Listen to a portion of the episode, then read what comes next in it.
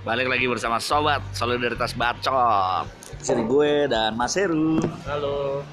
Mas Heru kedengeran ya? Dengeran Mas Heru, selamat hari guru Eh, ya terima kasih Mas Dio. Mas Heru ini guru, ya kan Sekarang sih dosen, tapi maksudnya dia kan belasan tahun menjadi guru. Istrinya pun guru ibunya guru. Ibunya pun guru Bapaknya Bapaknya pun guru, dosen ya Hmm. Nah, istri gue guru juga, nyokap gue guru juga. Kita dikelilingi banyak guru nih bro. Iya. Aduh, hari guru ini apa nih yang menjadi penting? Apakah Ingarso Sung Tulodo I, Imajo Mangunkarso, Tutwuri Tuturi Handayani Handayani. itu masih bergaung nggak menurut lo? Ini kan slogan guru ya. Iya ya. Nah, gimana bro? Ini kan memang aduh ya. Kalau eh, slogan yang digelontorkan oleh Ki Hajar Dewantoro itu memang diikuti secara benar, maka pendidikan Indonesia sebenarnya udah dari dulu tuh udah bagus banget gitu loh. Hmm, coba jelasin dulu. Sebenarnya ini kan Ingadio ini kan Mangunkarso satu-satu. ya Ing Majo Mangunkarso. Ingarso, eh Eh, eh Ingarso, aduh. Ing, Ulang, Ma- ulang. eh, Ingarso Sungtulodo Ingarso Sung Tulodo. Ya. Yang artinya yang artinya di depan Sungtu- di depan itu menjadi teladan. menjadi teladan. Terus yang kedua, Ing Madio Mangunkarso. Dia memberikan motivasi di tengah. di tengah. Oke. Ya. Yang belakang. Tuturi Handayani. Ya. Ya, dia yang juga mendorong dari belakang dari belakang memberdayakan. memberdayakan. Oke. Jadi sebenarnya di sini peran guru Hmm. itu adalah model yang Teladan paling gitu ya. teladan yang paling penting.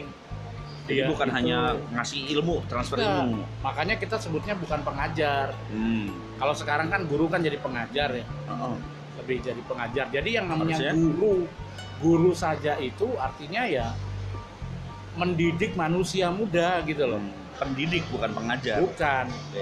Dan memang mengapa Ki Hajar Dewantoro mengatakan begitu? Hmm. Karena di kepala beliau itu beliau paham sekali gitu karena beliau belajar juga tentang teori-teori pendidikan ya Hmm.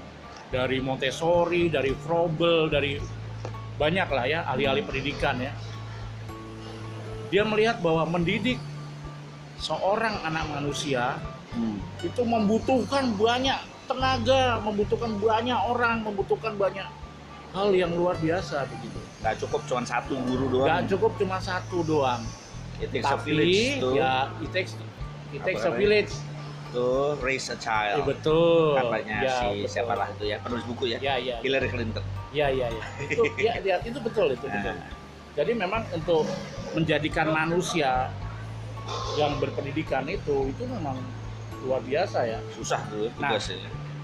tapi eh, Ki Hajar Dewantoro melihatnya mudah saja Hmm. dimulailah dari seorang guru Ya. Nah, jadi kalau seorang guru ini bisa menjadi model, menjadi role model yang baik, dia memberikan contoh, dia menjadi sahabat di dalam Hmm. perjalanan, dia menjadi orang yang nggak pernah habis-habisnya untuk memberikan motivasi, maka siswa-siswa yang dididik itu Hmm. itu pasti sungguh akan mencapai apa yang diinginkan gitu. Hmm. maka maka sistem pendidikan taman siswa itu adalah sistem among Hmm. ngemong nanti kita Ngemong. ngomong tak ya Tahu. Artinya tahu ngemong itu Apa ya ya? berarti membimbing Hmm. dan guru itu Bukannya itu ya, kalau anak sedih terus di sini sini sini dia di, among ya so, sama aja ditenangkan ya gitu sama ya, aja sama ya. sama aja itu Mas. ya salah satunya yang penting itu menenangkan membimbing mendidik mengarahkan Ya. tetapi tidak ini ya tidak tidak mendoktrin gitu loh Hmm. karena misalnya di dalam konteks taman siswa itu eh, pendidikan itu bukan doktrinal Hmm. tapi kehidupan bersama Hmm. convivium itu bahasa latinnya Hmm. jadi di mana mereka dapat menemukan kehidupan sehari-hari secara nyata pendidikan itu tidak bisa dilepaskan dari realitas kehidupan manusia Pasti. Nah, tapi kan sekarang terjadi enggak ya Ya. Contoh, anak yang ada di daerah pesisir pantai Hmm. itu harus mempelajari apa yang ada di urban gitu kan. Iya benar. Konteksnya padahal beda banget. konteksnya beda banget demikian pula sebaliknya anak urban harus mengetahui apa yang biasanya dilakukan oleh anak-anak di pesisir pantai atau di gunung ya mungkin bisa sebagai pengetahuan tapi mbok yao ya kalau menurut saya ya mbok yao itu yang mbok disesuaikan dikontekstualisasikan Ya. maka tidak bisa ujian nasional itu kemudian diterapkan untuk seluruh Nusantara Hmm.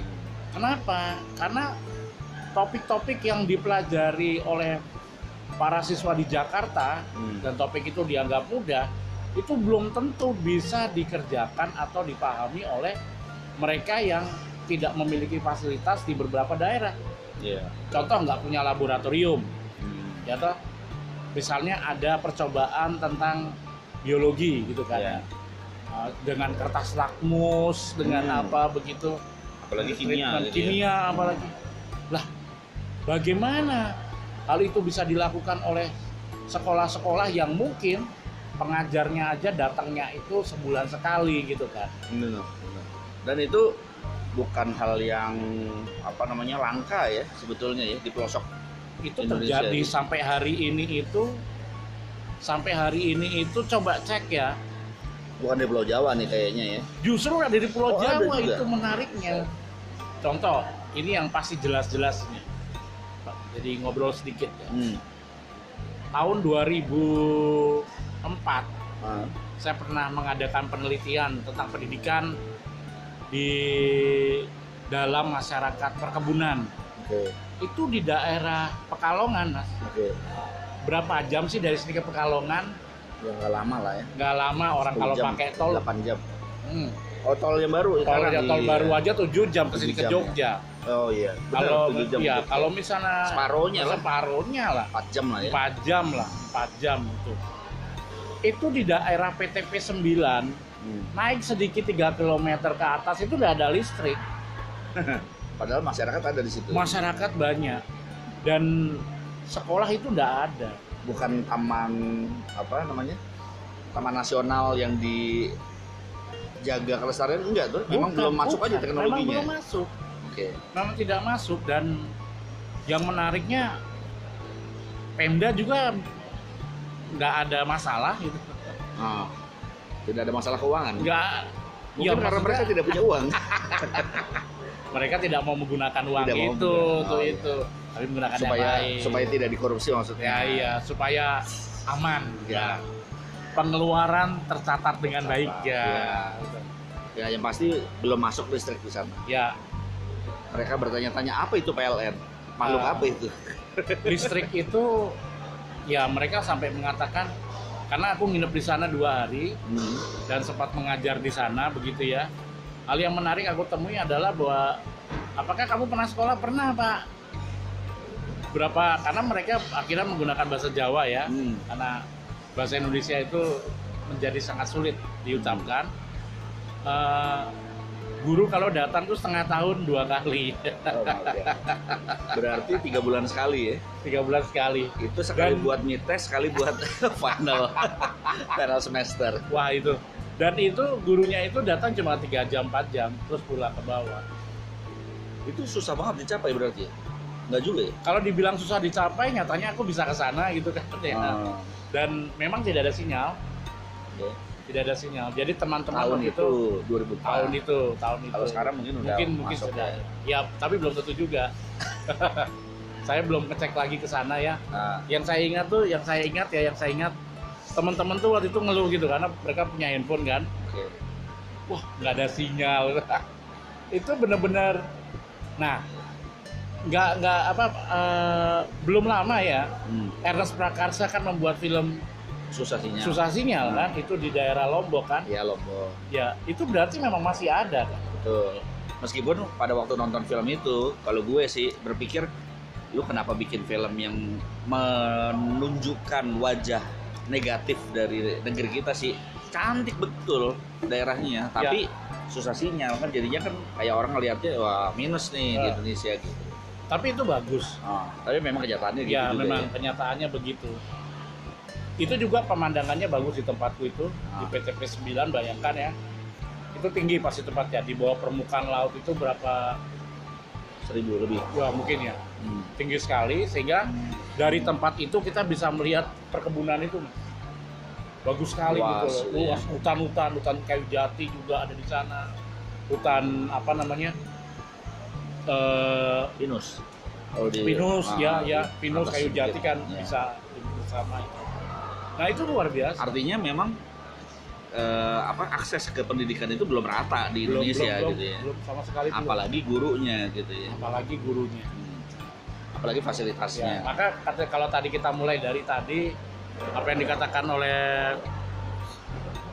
Ki Hajar Dewantoro ya, itu masih tetap relevan Hmm. untuk hari ini sampai sejauh mana misalnya fungsi guru, Hmm. peran guru untuk mencerdaskan kehidupan bangsa gitu misalnya. Iya. Ya masalahnya untuk memperkaya industri pendidikan yang lain banyak gitu ya. Karena kita tidak bisa menyangkal juga perguruan tinggi perguruan tinggi yang mahal gitu kan ya. Hmm. Itu pasti eh, dia mengambil orang-orang terbaik gitu biasanya. Iya. Dan ya kemudian hanya untuk melayani kebutuhan itu saja Hmm.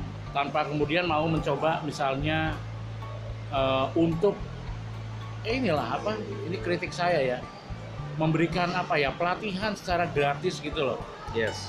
tanpa embel-embel tanpa embel-embel ini PKM Iya. pengabdian kepada masyarakat Atau bukan dia disponsori partai atau disponsori partai tertentu. atau perusahaan tertentu dan sebagainya itu menurut saya atau itu gereja tertentu iya atau masjid tertentu. iya itu ajaran agama tertentu ya Hmm. Nah, hal, tapi tidak pernah ada yang memang tergerak masuk ke dalam begitu kan, kemudian eh, mereka mencoba me- meningkatkan kualitas sumber daya manusianya. Hmm. Aku pernah ke Sanggau misalnya juga, Karena itu di Kalimantan Kalimantan Barat, tiga Ya. jam dari Pontianak naik mobil. naik mobil. Itu di sepanjang kiri kanan tuh banyak gereja, mas. Hmm. Setiap gereja itu paling jaraknya itu 300, 200 sampai 300 meter. Yes. Itu banyak gitu. Sama kayak di Manado lah Iya. kira-kira gitu ya. tapi gereja itu kosong selalu. Oh. Cuma yang menarik tuh waktu itu saya pernah berhenti akhirnya saya bertanya di sini sekolah ada berapa? Hmm. Sekolahnya cuma ada satu, Oh iya. itu sekolah negeri, Swasta nggak ada. nggak ada. Lalu?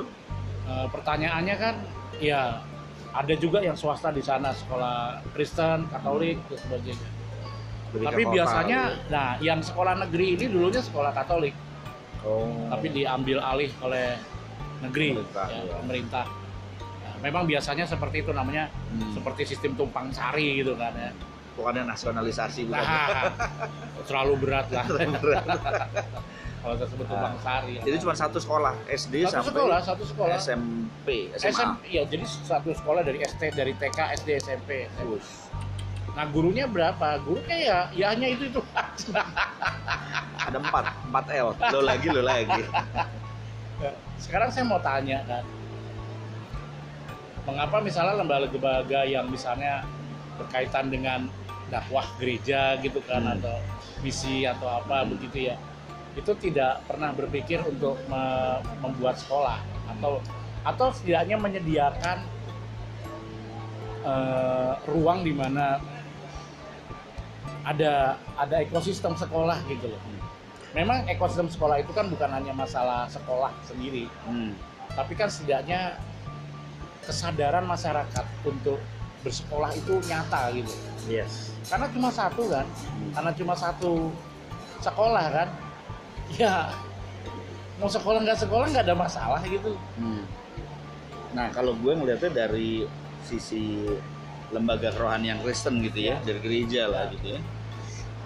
Membangun eh, apa namanya? Membangun gereja itu mungkin lebih mudah daripada Ya. membangun sekolah. Betul.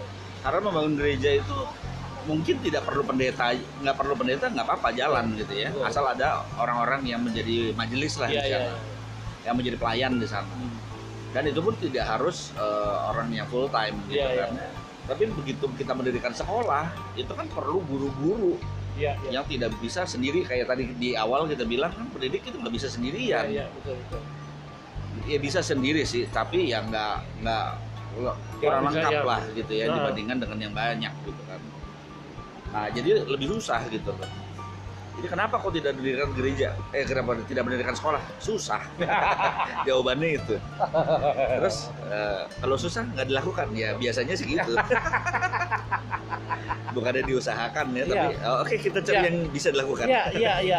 Itu itu ya. Jadi memang jadi saya merasa melihat bahwa meskipun sekarang anggaran pendidikan kita itu sudah bertambah, Hmm. Cuma dari segi kualitas ya saya saya melihatnya bukan kualitas itu bukan dibandingkan dengan kalau dengan luar negeri atau apa.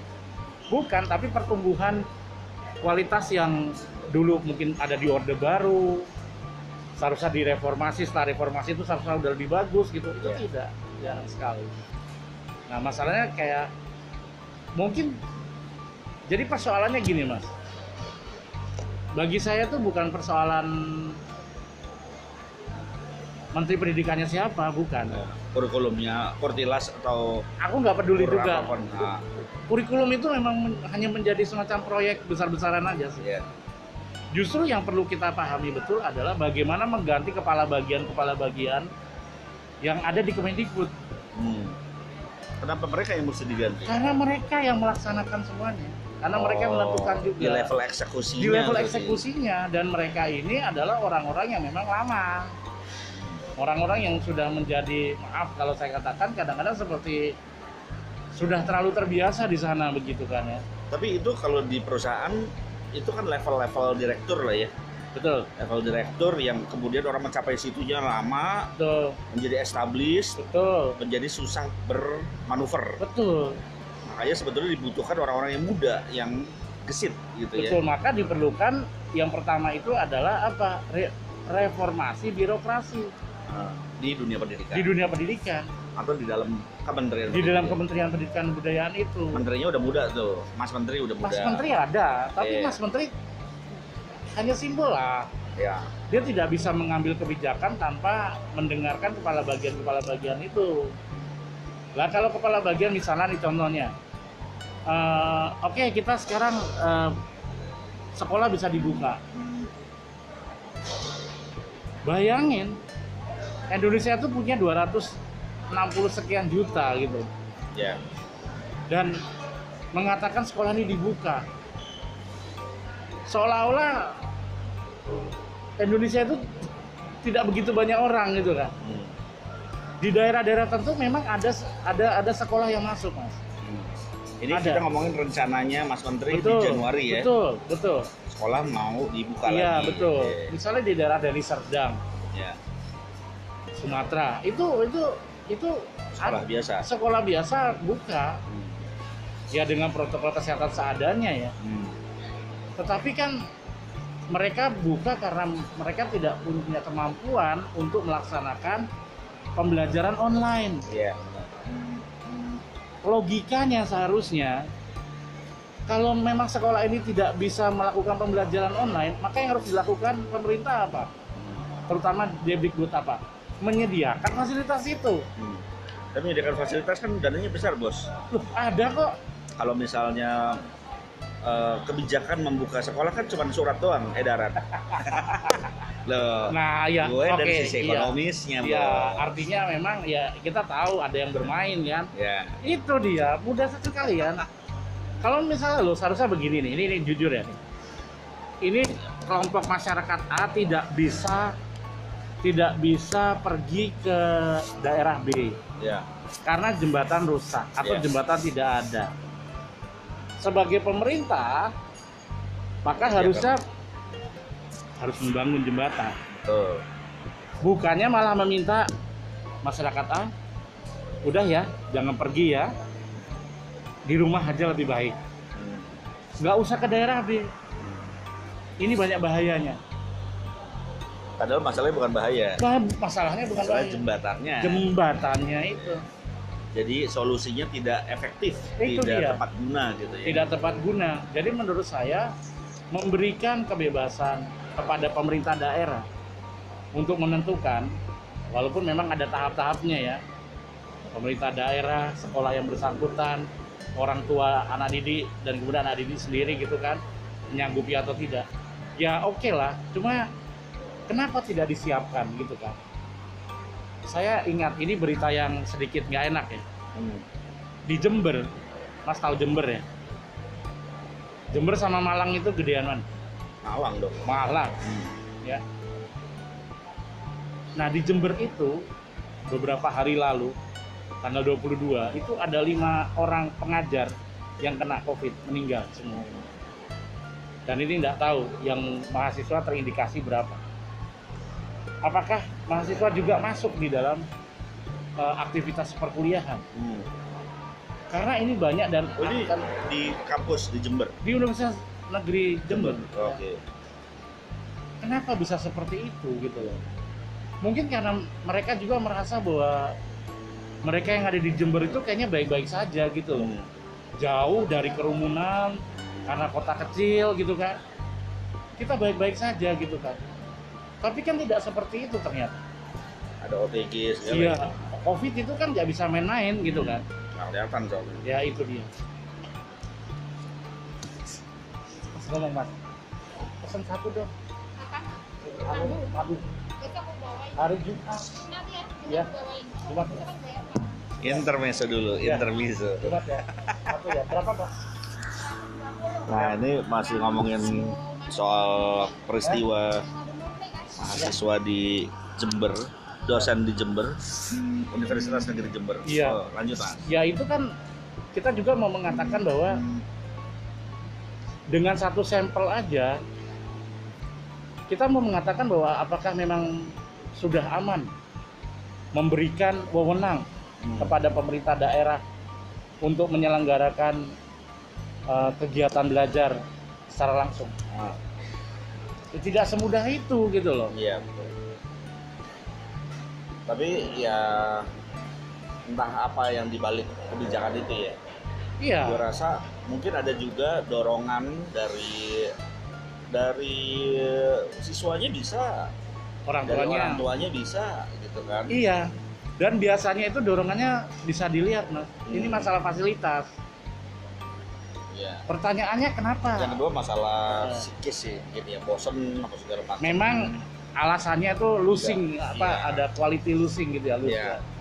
Tapi kan ah, mau di zaman gini masih ngomong kualitas, Bro. Iya. Bukan bukan masalah materi pelajarannya sih ya. Bukan. Soalnya pada akhirnya juga kan kita belajar itu bukan masalah materinya kok. Itu itu bukan masalah betul, prestasinya kok. betul. masalah value-nya turun enggak ke Betul. siswa kan gitu. ya. Nah, kalau misalnya memang ada persoalan bahwa guru-guru akhirnya juga mengalami burnout, Nah, mereka mengalami juga akhirnya eh, sudah mulai frustrasi hmm. atau juga anak-anak udah mulai frustrasi, kirimkanlah ahli-ahli untuk dari Jakarta ini untuk bicara kepada mereka. Dan juga sebetulnya COVID ini kan bukan di baru kemarin ya. Iya, ini udah 8 dari- bulan lebih. Iya, udah dari pertengahan Maret. nih. Iya. Sekarang udah mau masuk Desember. Iya, dan luar biasa ya. Satu tahun kita hidup bersama COVID. kan. Nah.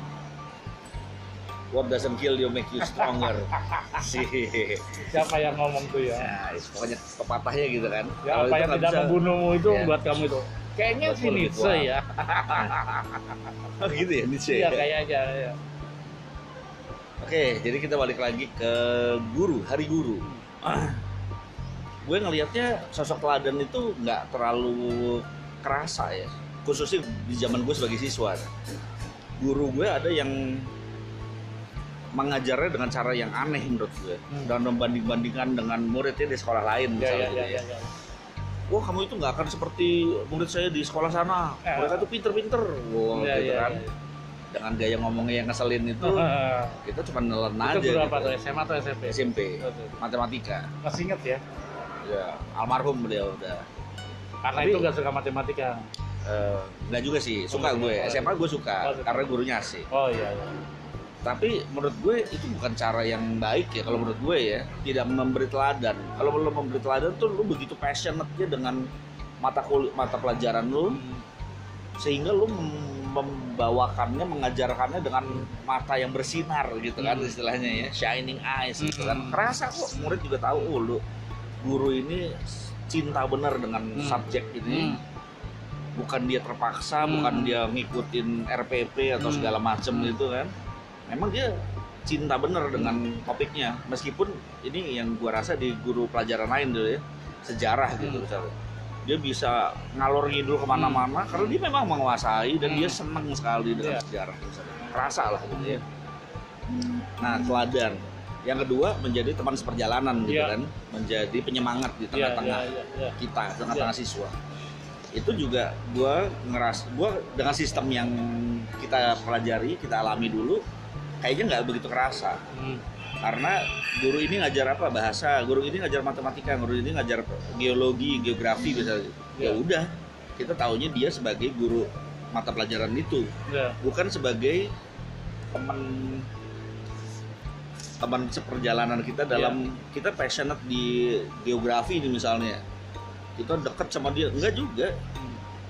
sama mendorong dari belakang gitu ya. Hmm. gua nggak ngelihat kita diberdayakan gitu ya Iya. tapi ditusuk-tusuk dari belakang Aduh, aduh, aduh, aduh, aduh, aduh. bebek aja diangon bos cuma diarahin dia maju Iya, iya, sendiri iya, ya iya. kita tusuk-tusuk ayo maju kalau nggak nilaimu Iya, jelek iya. gitu. Kayak upacara itu ya. Ah, pagi-pagi hari Senin dijemur.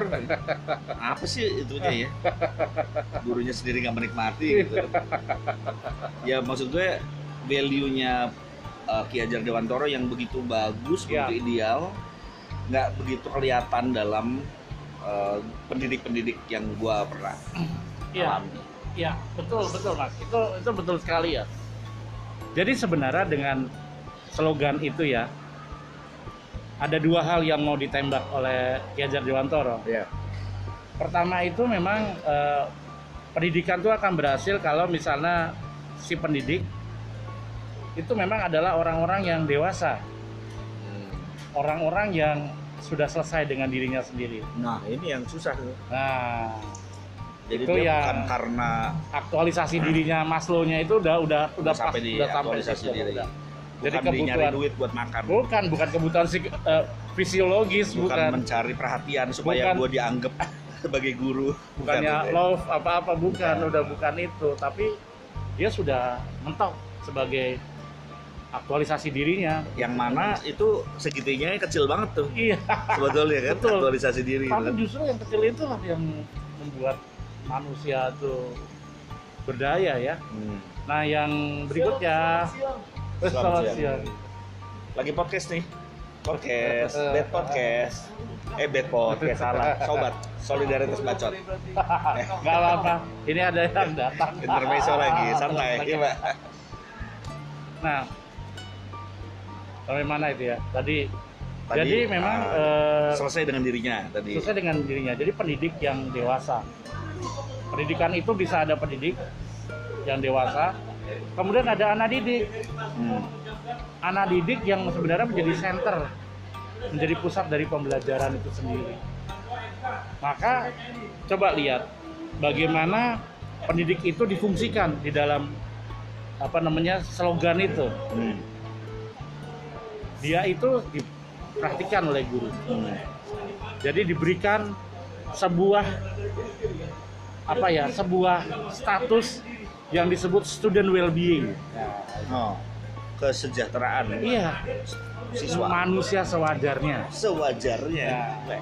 Nah, itu ya Iya, kurang nendang gitu bahasa Iya. Indonesia well being oke lah iya, well-being. Jadi kalau ya manusia seluruhnya, tapi tapi ya apa ya, Oh, yang seluruhnya. ya manusia yang Oh. seluruhnya. Oke. Tapi kalau saya lebih suka menyebutnya manusia yang sewajarnya.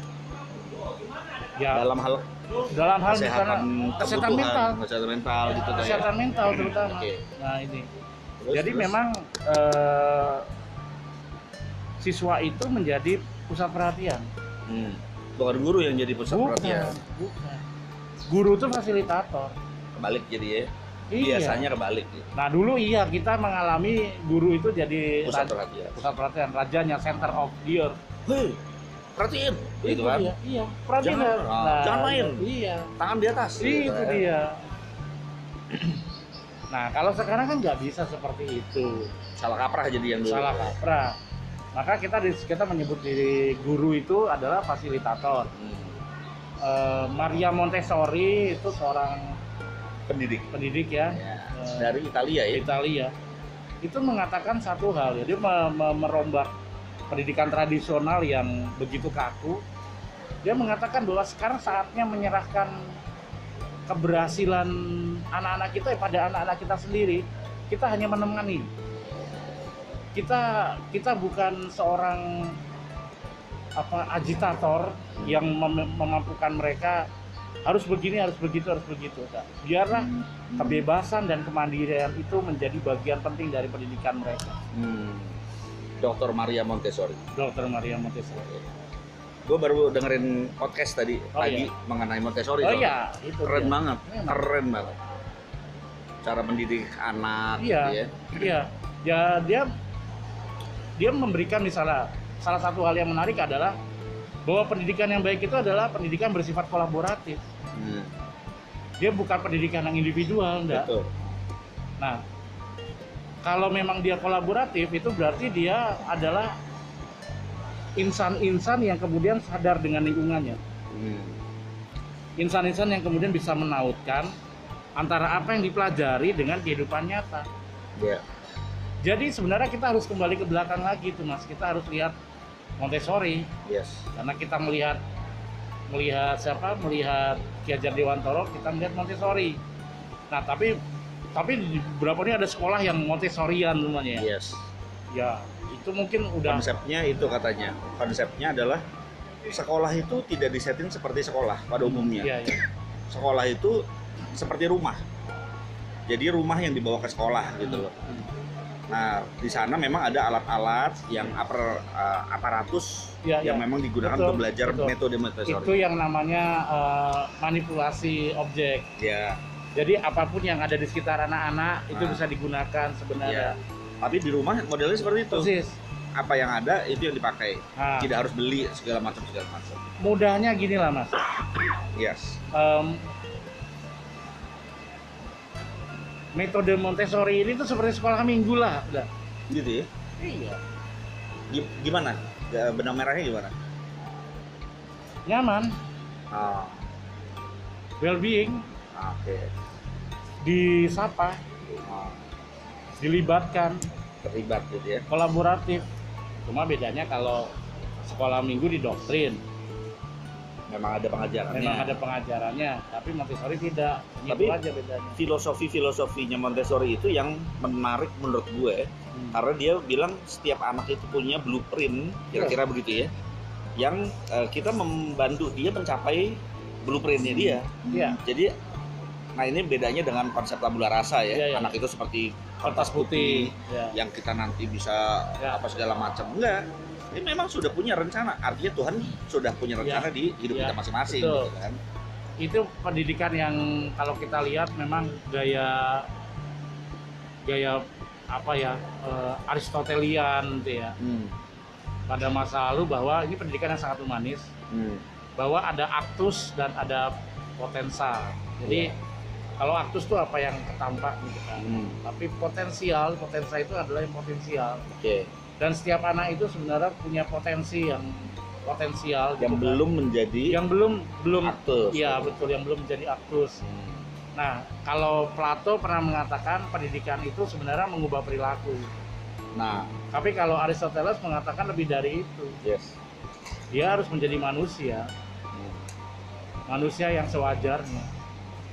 Bukan Manusia yang- seperti meme Bapak berharap kamu jadi orang terus gambarnya gambar monyet ya, bukan ya. Tapi Bukan. memanusiakan manusia jadi. Iya, gitu. Ini memang sangat humanis ya.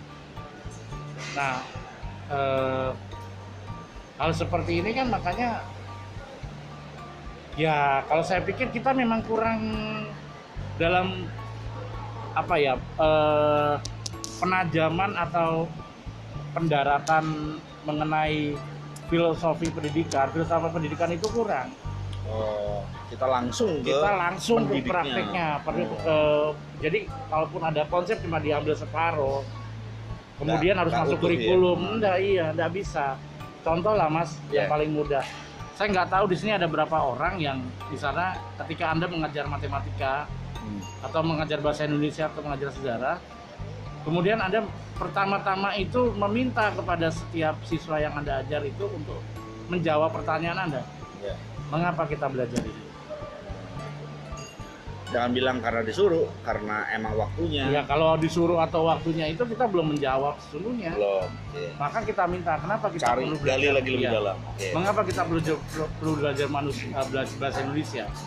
Apa relevansinya dengan kehidupan kita? Susah itu. Karena orang eh, belajar itu biasanya karena disuruh, karena waktunya gitu kan. Iya. Ada om. Nah, jadinya perlu belajar, eh, perlu membahas filosofinya dulu sebetulnya. ya. Iya. Itu paling penting. Jadi ibaratnya gini deh. Ken- kenapa kita belajar berenang? Hmm. Supaya nggak tenggelam. Itu aja satu. Ya. Maka itu yang menjadi modal. Hmm. Kenapa kita perlu belajar matematika? Biar nggak kehilangan duit. Ya itu aja. Oh. Pasti akan bagus.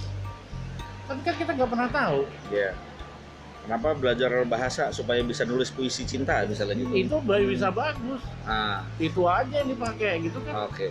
Jadi jelas ya. Jelas Orang tujuan. ke mana mesti jelas tujuannya. Nah, oke. itu yang harus diajarkan oleh anak-anak kita. The purpose of life. Nah, apa Tujuan hidupmu apa? tujuan hidupnya? Klise berarti ya? Kebiasanya, biasanya. Iya. Biasanya klise jawabannya. Betul. Tapi justru ini yang perlu ditunjukkan bahwa ada ada core of the core itu gitu loh. Hmm. Bahwa misalnya begini ya. Kalau kita tidak menunjukkan the purpose of life dalam pendidikan pada Hmm. anak-anak, itu kita akan melihat pola pikir yang seperti ini. Jadi setelah saya belajar TK, saya kemudian ke SD. Hmm. Setelah SD, saya ke SMP. Setelah SMP, saya SMA. Setelah SMA, saya ke perguruan tinggi. Setelah perguruan tinggi, saya bekerja. Setelah bekerja, saya menikah. Setelah menikah, so what? Hmm. Padahal Mati. itu bukan tujuan hidup ya, itu Bukan. biasanya. Nggak Bukan. semua juga melalui biasanya. tuh. Betul. Bahkan sebenarnya nggak perlu juga kita ke perguruan tinggi. Betul. Kalau kamu udah tahu tujuan hidupmu apa, gitu kan? Hmm. Kalau di SMA kamu melihat, oh aku tahu di SMA ini aku segera membuka usaha. Hmm. Nggak perlu ke PT kan? Betul, Habisin uang kan? betul. Ketimbang ke dia Habisin waktu. habisin waktu. Ya memang itu ya, kita nggak terbiasa diajak berpikir seperti itu, jadinya kita terkonsep, oh hidup itu ya ada urutannya gitu. Iya. Belajar sampai SMA, kuliah, kawin, pasca sarjana Iya, kalau mungkin, iya. kerja gitu ya. Jadi Ya seolah-olah pendidikan itu hanya menghambat kita untuk mati aja sebentar, Hmm. Mengisi Menunda. waktu menunda. Padahal harusnya memberdayakan ya. Padahal kita harus mengisi kehidupan itu dengan banyak hal yang menurut saya lebih bermanfaat,